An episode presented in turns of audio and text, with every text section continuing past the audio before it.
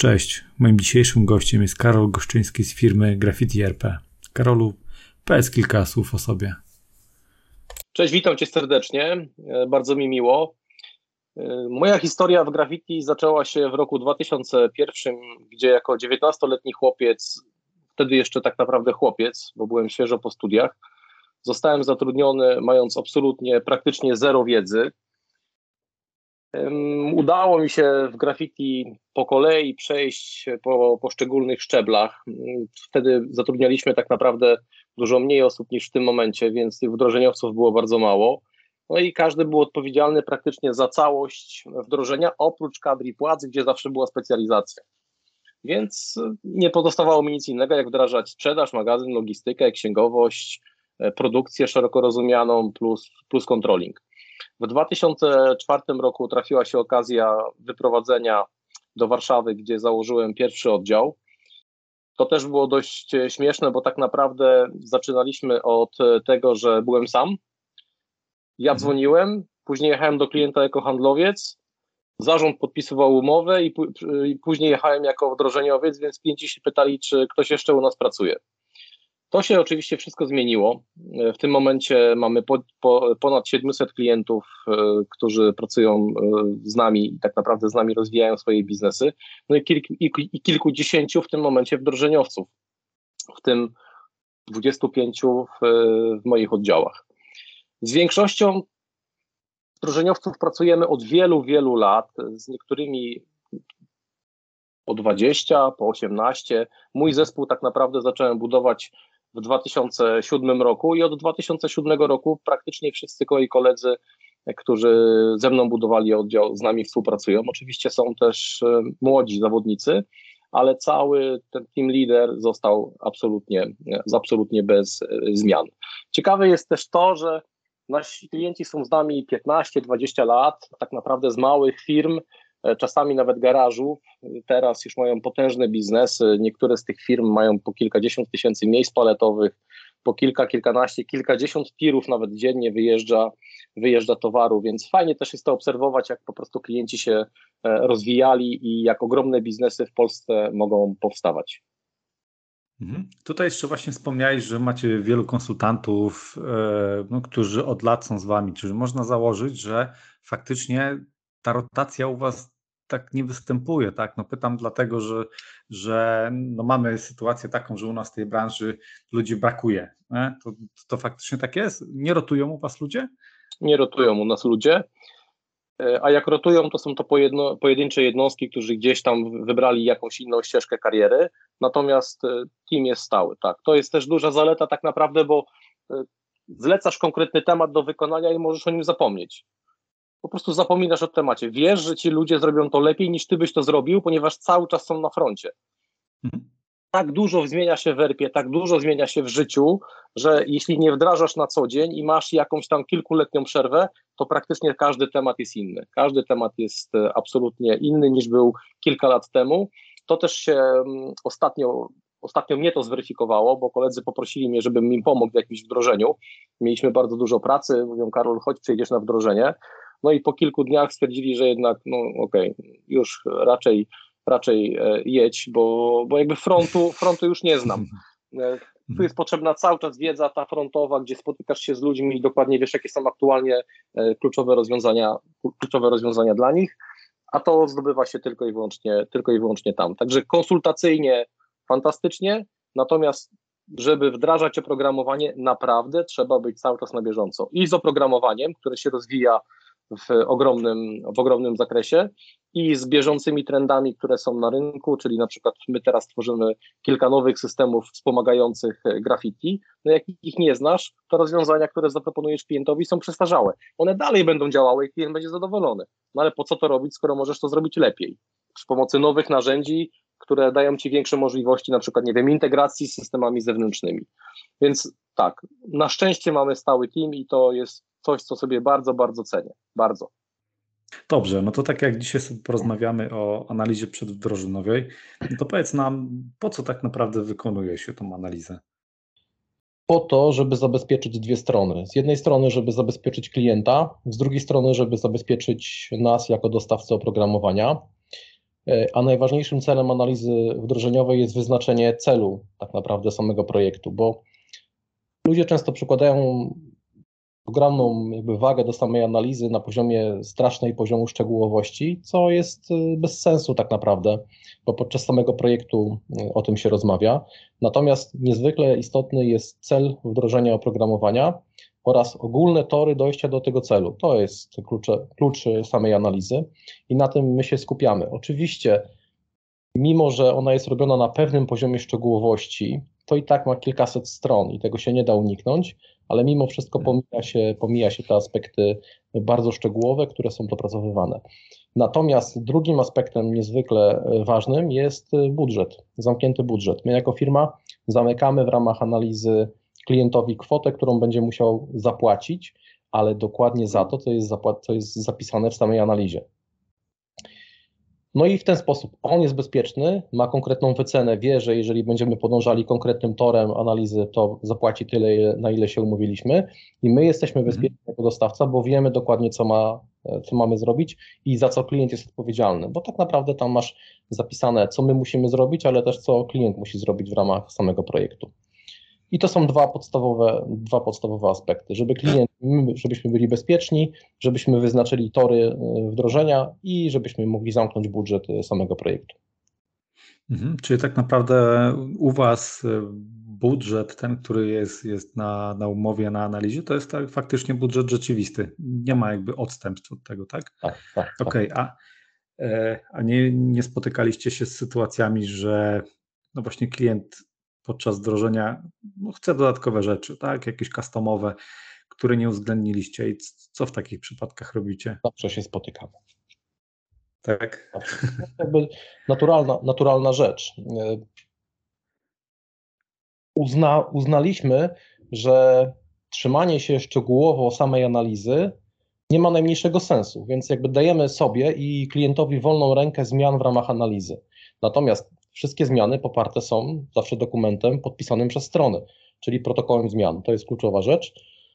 Okay. Przepraszam, czyli powstaje protokół zmian, w nim zapisane jest wszystko, co firma e, nasza musi zrobić, za co klient jest odpowiedzialny i zapisane jest też, co, ten konkretna, co ta konkretna zmiana zastępuje, czyli jest konkretny punkt w analizie, było tak i tak, a klient sobie życzy, żeby było tak i tak i tak, ponieważ tak i tak jest dla niego lepiej plus do tego budżet i wtedy podpisane. Zazwyczaj jest tak, że udaje się osiągnąć kompromis, jeśli chodzi o ilości godzin, czyli mieliśmy na przykład w ramach e, analizy 30 godzin i robimy coś innego, coś nowego w, tej, w tym samym budżecie.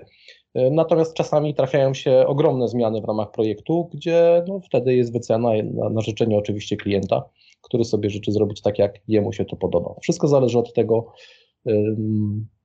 jakie klient ma wymagania i wcześniej jak przykładał się do samej analizy. To jest jakby kluczowe, jak przykładał się do analizy. Im więcej rzeczy wyjdzie na poziomie analizy, tym później mniej rzeczy wychodzi podczas samego projektu. Okej, okay. a tak jak wspomniałeś, no, masz bardzo duże doświadczenie, jeśli chodzi o, o, naszą branżę RP, to może jesteś w stanie nam powiedzieć, jak kiedyś firmy podchodziły do analizy, no a jak to faktycznie dzisiaj jest, tak? No dzisiaj w takim sensie, jak to było 2-3 lata temu, a jak faktycznie jest dzisiaj po pandemii, kiedy to ludzie przyzwyczaili się do pracy zdalnej, że no, no większość takich rzeczy chyba też y, wykonujecie jakby, jakby zdalnie. Nie? 15 lat temu nie było w ogóle analiz. Nie istniały. Tak? Nie istniały. Tak naprawdę sprzedawaliśmy oprogramowanie i wszystko robiło się na żywioł. Wdrażało się po prostu programowanie na żywioł, idąc krok po kroku, zgodnie z procedurą wdrażania systemu ERP. Natomiast też nie było narzędzi takich rozwojowych, jak są teraz. My na przykład u siebie mamy narzędzie do budowania raportów, mamy narzędzie do budowania mhm. nowych funkcjonalności. Kiedyś takich narzędzi nie było, więc każda zmiana musiała być pisana przez programistów. Więc były straszne kolejki tych zmian, bo jednak oprogramowanie było dużo mniejsze niż teraz były straszne kolejki, e, wszyscy czekali na zmiany, denerwowali się, no bo nie wiem, trzy miesiące na jakąś konkretną zmianę musieli czekać, ale analiz e, nie było. One zostały wymuszone przez rynek, bo klienci nie chcieli mieć otwartych budżetów. Nie chcieli mieć mhm. zapisane w umowie, że za godzinę tyle i tyle i koniec.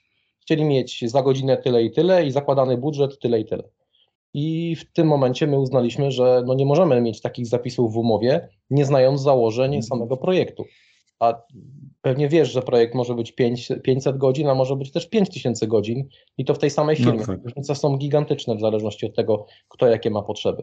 Więc na to nie mogliśmy sobie pozwolić i po prostu życie wymusiło na nas budowanie analiz, ale to też dało nam i klientowi bezpieczeństwo samego projektu. Dużo łatwiej jest przekonać klienta do realizacji projektu, kiedy możemy mu zagwarantować konkretną kwotę e, na projekt. To jest, to jest łatwiejsze i czystsze tak naprawdę. Nie trzeba, nie trzeba gdzieś tam pływać, że będzie pan zadowolony i zrobimy wszystko, co będzie pan sobie życzył. Oczywiście dalej zrobimy wszystko, co pan będzie sobie życzył, co jest matematycznie logiczne, bo do tego się sprowadza informatyka. Ale jak jesteśmy w stanie to zapisać, no to też jest czystszy układ między nami a samym klientem. A teraz po pandemii wydaje mi się, że, że chyba szybciej się systemy wdraża. Kiedyś mhm. było, kiedyś było tak, że jak konsultant jechał do konkretnego klienta, no to skoro już tam pojechał, skoro klient płacił za dojazd, to siedział 8 godzin. No i tak siedział, siedział. Czasami było co robić, czasami było mniej do roboty, więc te godziny były też więcej naciągane. Na ten moment te spotkania trwają 2-3 godziny, rozwiązuje się listę tematów i idzie się do kolejnej firmy, idzie się do kolejnej firmy, idzie się do kolejnej firmy. Przy tym samym zasobie ludzkim dużo bardziej poprawiliśmy tak naprawdę szybkość załatwiania poszczególnych ten, tematów, bo jeśli konsultant jest w domu, a powiedzmy 85% czasu jest w domu czy w firmie, bo to też zależy od struktury. W Warszawie generalnie jest tak, że dojazd potrafi trwać 3 godziny i powrót, powrót no 3 tak. godziny, więc lepiej, żeby pracował z domu u siebie w spokoju, niż gdzieś tam pędził 3 godziny do, do firmy i później tyle samo, tyle samo wracał. Jest to dużo bardziej efektywne i dużo szybciej te tematy się załatwia, bo ja wiem, że konsultant jest. Jak mu wysyłam maila, proszę o realizację konkretnego tematu, to on mhm. po prostu realizuje. Nie czekam, a wiesz co, byłem trzy dni na wyjeździe, nie mogłem tego zrealizować. Tego już nie ma. E, natomiast na pewno w analizach w tym momencie klienci też skupiają się trochę na innych e, aspektach. Myślę, że bardziej skupiają się na aspektach to, do czego został stworzony system ERP, czyli do liczenia kosztów, do sprawdzania kosztów, do weryfikacji kosztów i do ich liczenia. I my też teraz w projektach dużo większą uwagę do tego przykładamy. Do tego, do tego żeby chwycić materiałochłonność i pracochłonność, która zazwyczaj się mega w firmach rozłazi. Materiałochłonność jeszcze jest tam gdzieś złapana, bardziej bądź mniej, ale ta pracochłonność, myślę, że wydajności nie przekraczają 30% tak naprawdę w firmach. Także tu masz ogromny aspekt do poprawy, ogromny. Zobacz, jakie są pieniądze, mhm. które są do zaoszczędzenia, albo do wykonania tą samą ilością ludzi dużo większej pracy. No tak. No to też na przestrzeni lat widzisz, albo jesteś w stanie określić, e, czy klienci teraz bardziej mocniej angażują się w te analizy, czy kiedyś, jak to wszystko raczkowało, tak, jak startowaliście z, z dokumentami odnośnie analizy, czy to wtedy klienci lepiej się angażowali, no bo to było też coś nowego, nieznanego, więc no wiadomo, no może to był taki efekt, że, że e, no, firmy bardziej się przykładały do takich analiz, tak? Są nieporównywalnie bardziej świadomi. Mhm. Nieporównywalnie bardziej świadomi. Jak zaczynałem wdrożenia, e, to większość firm, które wdrażaliśmy, przechodziła z DOSa. Nasze szkolenia niektóre sprowadzały się do tego, że siadały panie z księgowości i graliśmy w kulki. Te panie nie potrafiły obsługiwać myszy. A jak e, mówiło się do pani, proszę podnieść mysz do góry, to ta pani podnosiła mysz do góry. A jak się pytało, co pani w oknie, to drzewa, kwiaty i piękną pogodę. Na ten moment tak naprawdę praktycznie każda firma którą my jesteśmy zainteresowani, czyli średni polski przedsiębiorstwa, y, średnie polskie przedsiębiorstwo, miał wdrożonego ERPA w takiej bądź innej w postaci. Mniej, bardziej, ale jednak tego dotknął, więc oni są totalnie bardziej świadomi tego, co potrzebują i to też przez to jest dużo łatwiejsze, bo my dokładnie wchodząc, zadając konkretne pytania, otrzymujemy zazwyczaj oczywiście konkretne odpowiedzi, które nas interesują. Kiedyś, mhm. kiedyś tego nie było. Kiedyś tak naprawdę nawet same prezentacje e, systemu ERP. Teraz przyjeżdżam do klienta, dwie godziny, półtora godziny i on wie wszystko, czy jest zainteresowany produktem, czy nie i czy, czy ten produkt spełni jego oczekiwania. Zadaję konkretne pytania. Proszę pokazać mi produkcję, jej rozliczenie, proszę pokazać mi logistykę. Ciach, ciach, ciach, ciach. nie pamiętam, kiedy robiłem prezentację z księgowości albo z kadry płac. To, to mhm. nie jest rok. Kiedyś miałem prezentację po dwa dni. Po prostu potrafiliśmy dwie godziny męczyć katalog indeksów. A ten klawisz do mhm. czego? A ten klawisz do czego? To teraz już kompletnie nie istnieje. Po prostu są świadomi, zadają no tak. te pytania. Jak odpowiesz na pytanie, przechodzisz do kolejnej rundy. Natomiast ta świadomość jest na tyle duża, że klienci na, na przykład teraz na prezentacjach życzą sobie, aby zrobić im prezentacje dedykowane. Czyli nie chcą tego na danych jakiś demo, tylko chcą konkretnie mhm. zobaczyć z nazwy po prostu obieg dokumentów. No i wtedy prosimy klienta o przygotowanie technologii, ona jest implementowana do systemu i pokazujemy mu obieg dokumentów na tej jego technologii, co po prostu otwiera mu oczy. A, czyli tu był wyrób, tu teraz jest półprodukt, tutaj jest materiał, z tym materiałem stało się to, tu została, tu została założona rezerwacja, po prostu widzi to, co chce zobaczyć. Mhm. A to, to faktycznie, ja też powiem Ci, że ja też widzę jakby zmieniającą się świadomość, że, że, że klienci w ogóle wiedzą, co to są systemy RP. No ja też pamiętam sytuację z gdzieś, może nie wiem, około 10 lat temu. E, no akurat znajomy konsultant miał sytuację, że poprosił panią z księgowości, żeby wysłała mu jakieś materiały na pocztę. No i nie dochodziły, nie dochodziły. Te materiały, zadzwonił, no pyta się, no kurczę, no to gdzie te materiały miała pani mi wysłać na pocztę? No, że wysłała, no, że powinny przyjść niedługo. I, i faktycznie, no pani starsza, więc wysłała tradycyjnie pocztą wszystkie materiały, które tam kolega chciał. I tak to, tak, to kiedyś wyglądało, ale tak samo jak, jak właśnie wspomniałeś, że kiedyś e, klienci, ludzie, firmy byli przyzwyczajeni, znaczy może też właśnie nie mieli tej świadomości, że mogą obejrzeć swój nowy system, potencjalny swój system, jakby na swoich danych, a wszyscy pokazywali kiedyś przygotowane demówki, nie? No co, no wiadomo, na demówce to każda firma będzie idealnie działać. No, wiesz, tak, kurczę, tak? Jeśli znasz dobrze system ERP, to jesteś w stanie pokazać rzeczy, których tak naprawdę nie ma. Jeśli w to jeszcze dobrze jesteś w stanie ubrać, to Teraz już takiej potrzeby nie ma, bo praktycznie u nas w softie jest odpowiedź na każde pytanie. Już po tylu latach, po tylu setkach wdrożeń te pytania padły. No ale 15 lat mhm. temu to trzeba było się zastanowić nad tym, czy powiedzieć klientowi tak, czy nie. Bo w momencie, kiedy powiedziałeś mu nie, to on zapamiętał tylko to jedno nie z całej prezentacji. Nie, że prawie wszystko było, tylko tego jednego nie nie było. Więc ja robiąc prezentację, mm. to się zastanawiałem, jak padało pytanie, na które nie mieliśmy rozwiązania, ile to programistom zajmie? No i wiesz, w myślach dwie godziny, trzy godziny. Mówię, ja cię kręcę. To to jest żaden czas. Jak klient podpisze umowę, to jeszcze nie zdąży zacząć wdrożenia, a my już mu to zrobimy i tak naprawdę tak jakby to było. E, teraz już takiej potrzeby nie ma, bo te rozwiązania są tak naprawdę gotowe. A, a klienci mają świadomość tego, a klienci mają świadomość tego, że mają rozwiązania dedykowane i mają świadomość tego, że te rozwiązania dedykowane nie są dostępne na rynku. Mhm.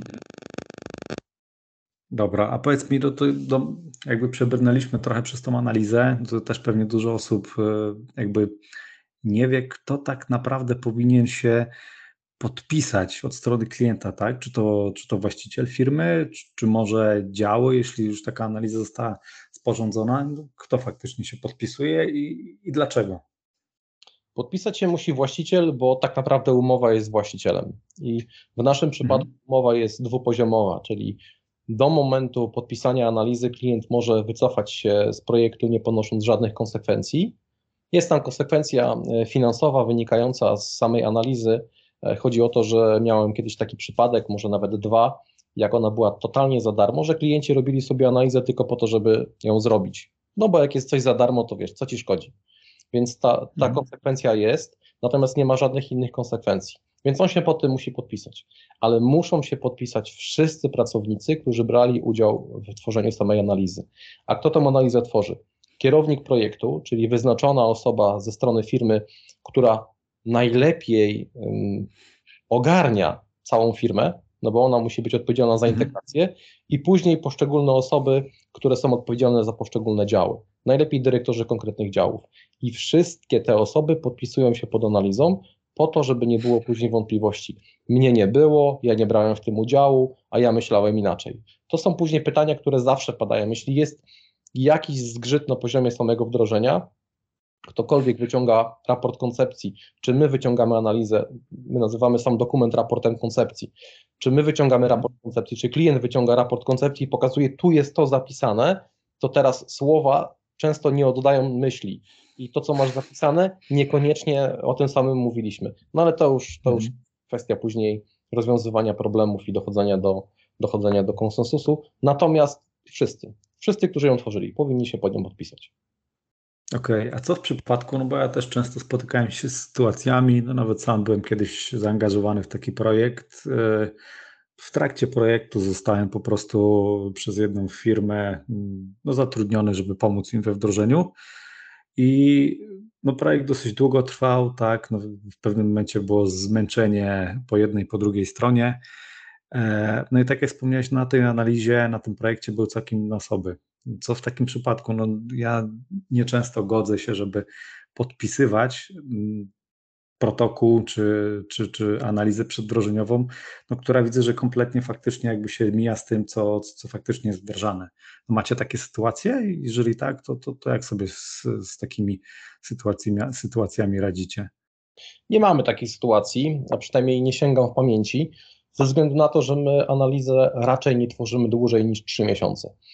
Były hmm. takie przypadki, że one trwały i po półtora roku, ale to wynikało jakby z, ze strony klienta, że po prostu był zajęty. Jak były czasy, wiesz, koniunktury, to nikt nie miał czasu na analizę ani na wdrażanie. No tak. Tylko trzepało się pieniądze. Natomiast zazwyczaj jest tak, że 2-3 miesiące i ta rotacja tutaj nie jest jakoś tam super duża, żeby ona miała na to wpływ. Natomiast gdyby taka sytuacja się Mm, wydarzyła, no to ta osoba musi się z analizą zapoznać. Ona jeszcze nie jest podpisana, więc jakby mamy pełne możliwości jej zmiany. Musi się z nią zapoznać i ewentualnie wnieść swoje uwagi do samej analizy, a my zastanowimy się, czy one są słuszne, czy niesłuszne.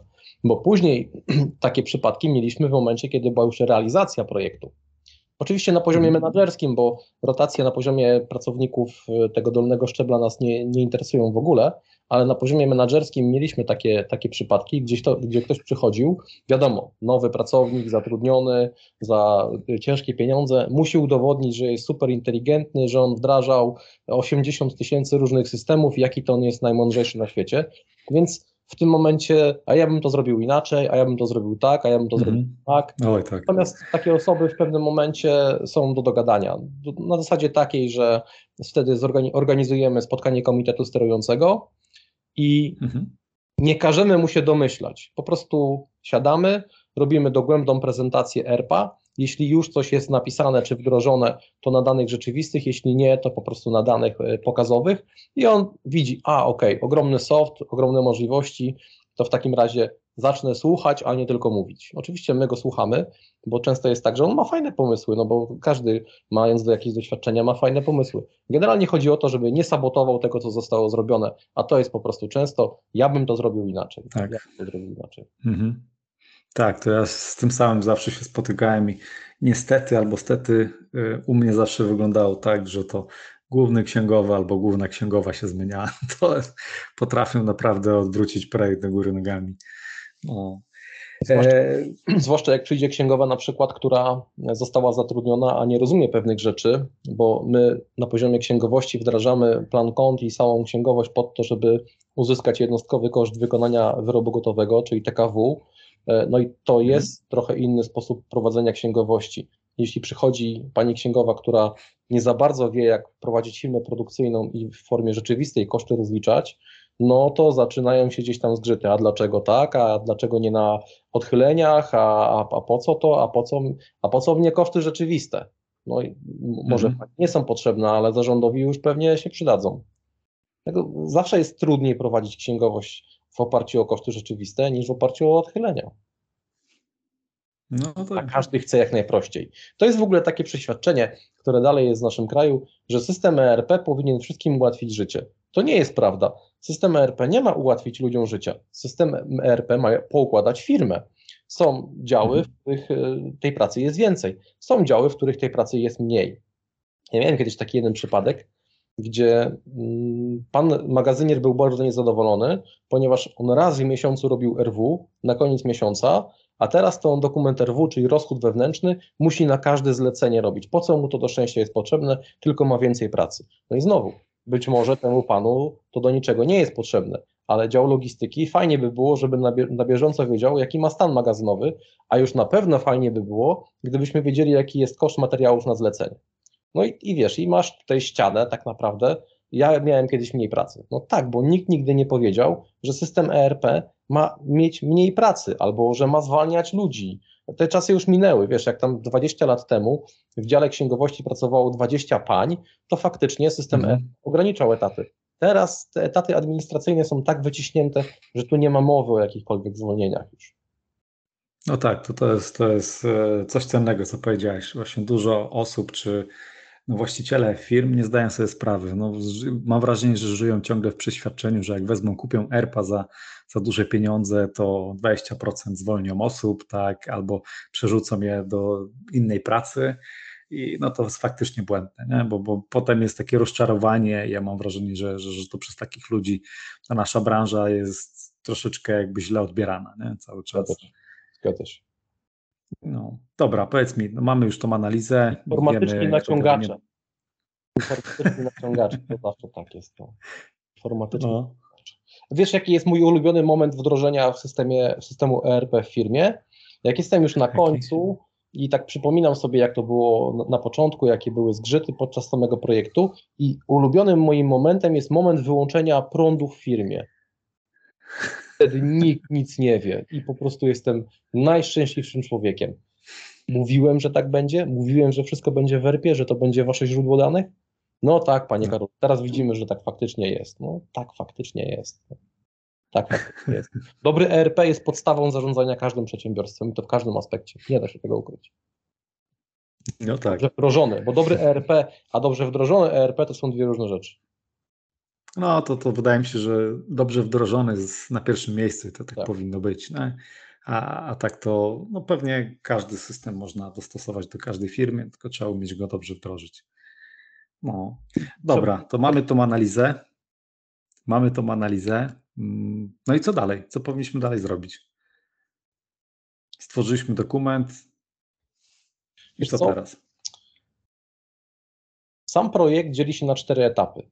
Pierwszy masz analizę. I tutaj w moim przypadku zawsze angażuję najlepszych ludzi w zespole, po to, żeby ona była jak najlepsza i ludzi z jak najszerszą wiedzą, bo tak naprawdę ona jest tutaj kluczowa, bo wbrew pozorom system ERP jest bardzo łatwo rozintegrować.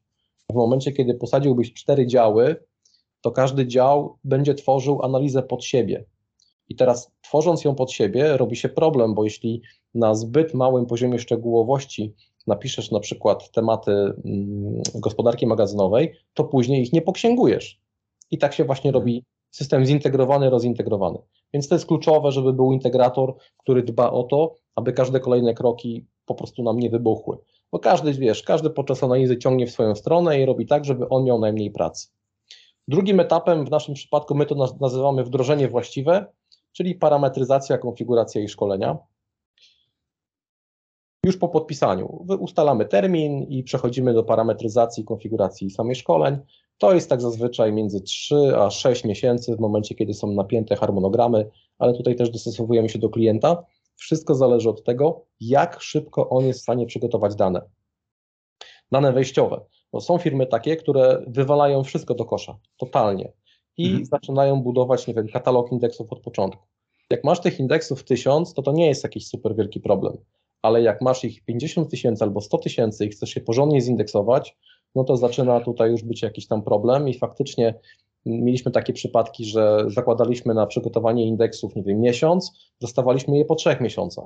Zakładaliśmy mhm. prowadzenie technologii do systemu dwa miesiące, dostawaliśmy informację, że są gotowi po sześciu miesiącach. Tak, Ale no to, to jest, to jest częste. Dostosowujemy do klienta tak, tak naprawdę. E, z moich mhm. takich e, wyliczeń wynika, że jest 80 do 20. 20% naszego, 20 y, czas, który my poświęcamy, to jest 20% czasu poświęconego na projekt. Czyli jeśli masz 1000 godzin, 1000 godzin w projekcie, no to klient musi poświęcić odpowiednio więcej, 80% więcej. Taka jest, taka jest różnica. To jest znaczące obciążenie administracyjne, tak naprawdę, jeśli chodzi o przygotowanie projektu, zwłaszcza w aspekcie produkcyjnym bo te technologie musisz jednak wprowadzić. Oczywiście my wielokrotnie robiliśmy importy technologii, ale ona też musi być w odpowiedniej strukturze, bo inaczej masz śmietnik. Kiedyś, tak, to było tak z 15 lat temu, zaczynaliśmy nowy projekt z firmą, ta firma dalej jest naszym klientem i, i całkiem fajnie się z nią współpracuje. Zresztą ostatnio robiliśmy rewdrożenie, co, co jest częste teraz. Mhm. I panie księgowe uparły się, że one nie będą żadnego planu kont wprowadzać. Ma być zaimportowany. Plan kont mhm. start był w DOSie, więc wiesz, wszystko z dużych, bez polskich znaków, totalna, totalna jazda. Mój kolega zaimportował to do Excela, siedział chyba z 3 albo 4 dni nad zbudowaniem specjalnie pod ten plan kont importu, po czym zostało to zaimportowane. Panie księgowe zobaczyły to w Windowsie i powiedziały, że takiej obrzydliwej rzeczy nigdy nie widziały. I jednak, jednak to wprowadzą. Nie? Pomijam fakt jakby błędów koncepcyjnych w tym planie kont, ale no, on wyglądał obrzydliwie, ten plan kont, po prostu obrzydliwie. Nie? Bez polskich znaków, wszystko z wielkiej litery, coś, coś strasznego. I jak już przejdziemy przez etap wdrożenia, czyli tych, tych trzech kroków, o których mówiłem, między innymi szkoleń, mhm. a tu jest jeszcze jedna bardzo ważna rzecz, która się zmieniła troszkę. Kiedyś e, konsultanci szkolili na potęgę. Teraz e, klienci mhm. nasi nauczyli się sami wiedzy, czyli jakby chcą tą wiedzę pozyskiwać, po to, żeby ją dystrybuować na niższe poziomy. To też jest bardzo fajne, bo przy rotacjach pracowników nie musisz za każdym razem wiesz, wołać całe ekipy, żeby ci zespół przeszkolili mhm. i nauczyli się jeszcze jednej rzeczy, robią e, instrukcje stanowiskowe. Czyli podczas no, szkoleń siada jakaś tam osoba i robi instrukcje stanowiskowe. To nie ma nic wspólnego z instrukcją systemu. To jest instrukcja postępowania u klienta na jego danych. I wiesz, przychodzi mhm. nowy pracownik, dostaje pakiet tak naprawdę takich instrukcji i nie musisz go nawet szkolić. Masz krok po kroku, co on tam tak naprawdę ma robić. A wiesz, jak działa głuchy telefon.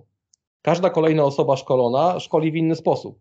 Ostatnio jedna tak. z naszych klientów zaprosił mnie na zrobienie prezentacji tego, co jest w systemie informatycznym teraz. I jak zobaczyłem, jakie oni robią dziwne rzeczy, to się po prostu w sumie najpierw ja załamałem, a później klient załamał. I pytam się, dlaczego tak robicie? Albo, albo, albo panie Karolu, wie pan jak to było? No w 2008 robiliśmy szkolenie, ale później zmieniło się 15 kierowników i każdy szkolił z czegoś innego. I nagle się okazuje, że gościu w logistyce wchodzi w produkcję po to, żeby w zleceniu produkcyjnym podać termin realizacji.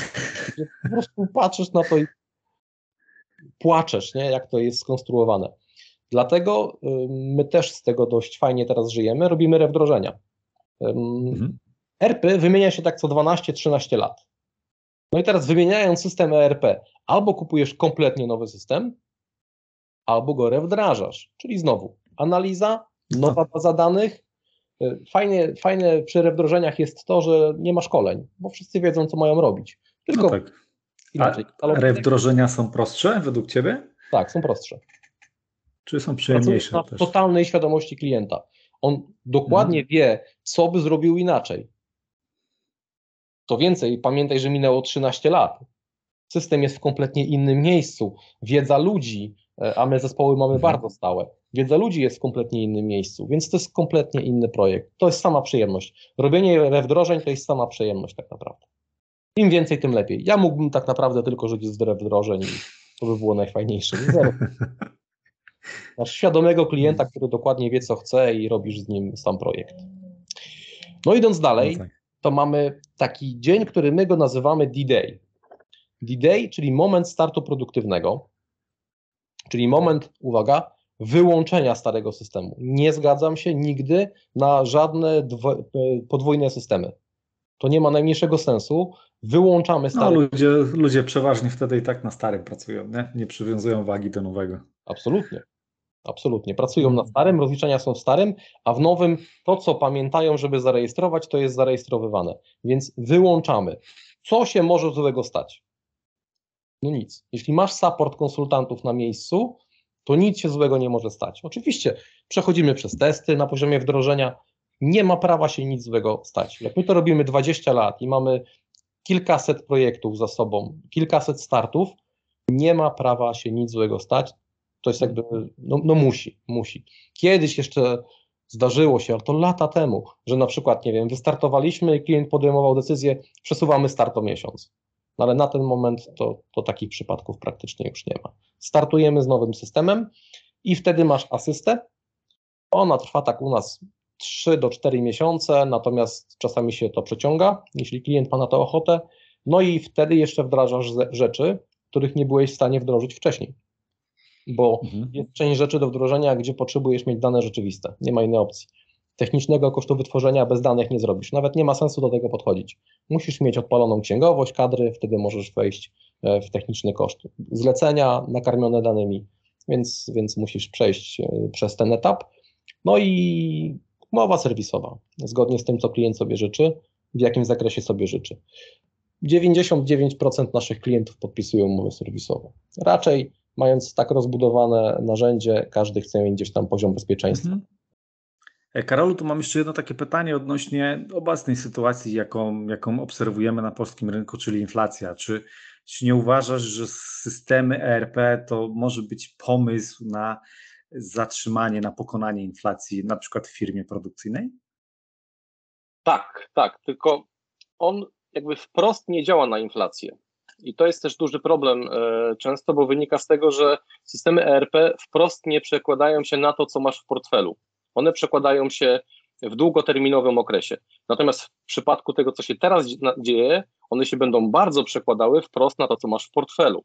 Dlaczego? Ponieważ one układają ci dwa podstawowe procesy. Jeden to materiałochłonność, która jest poukładana w miarę, a drugi to pracochłonność.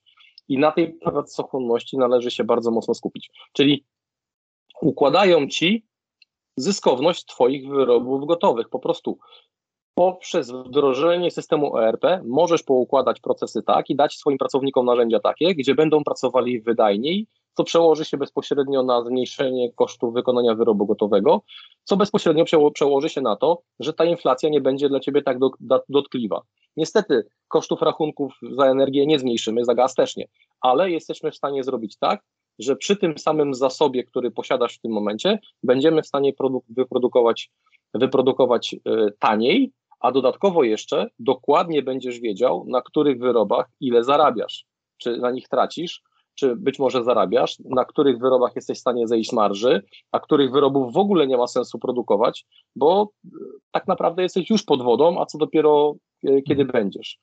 Dzięki tego typu systemom informatycznym jesteś w stanie lepiej zaplanować przyszłość, tak naprawdę tego, co się będzie działo, bo mając długoterminowe kontrakty, jesteś w stanie robić ich wyceny tak naprawdę przy założeniu wzrostu poszczególnych cen. Czyli jak masz ileś nośników kosztów, które chcesz analizować, to możesz założyć w ramach tych nośników wzrost cen, dzięki czemu jesteś w stanie sprawdzić, czy na przykład za pół roku, jak gaz pójdzie 100, 100 200, 300, 500% do góry, to czy dalej Twój wyrób będzie zyskowny, czy nie, i czy opłaca się dawać klientowi konkretną cenę, wiedząc, że za pół roku będziesz to robił pod wodą.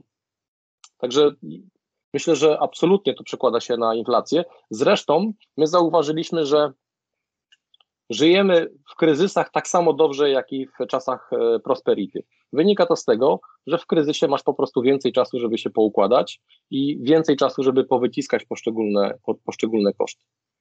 Dobrze, to Karol, ja Ci bardzo dziękuję. Co Mam nadzieję, że jeszcze będziemy mieli że jeszcze będziemy mieli okazję porozmawiać, bo jak dla mnie bardzo ciekawy, ciekawa rozmowa i pewnie dla słuchaczy też będzie dużo interesującej wiedzy do wyciągnięcia. Dzięki wielkie, trzymaj się. Marku, do Twojej dyspozycji, wszystkiego dobrego, trzymaj się, cześć.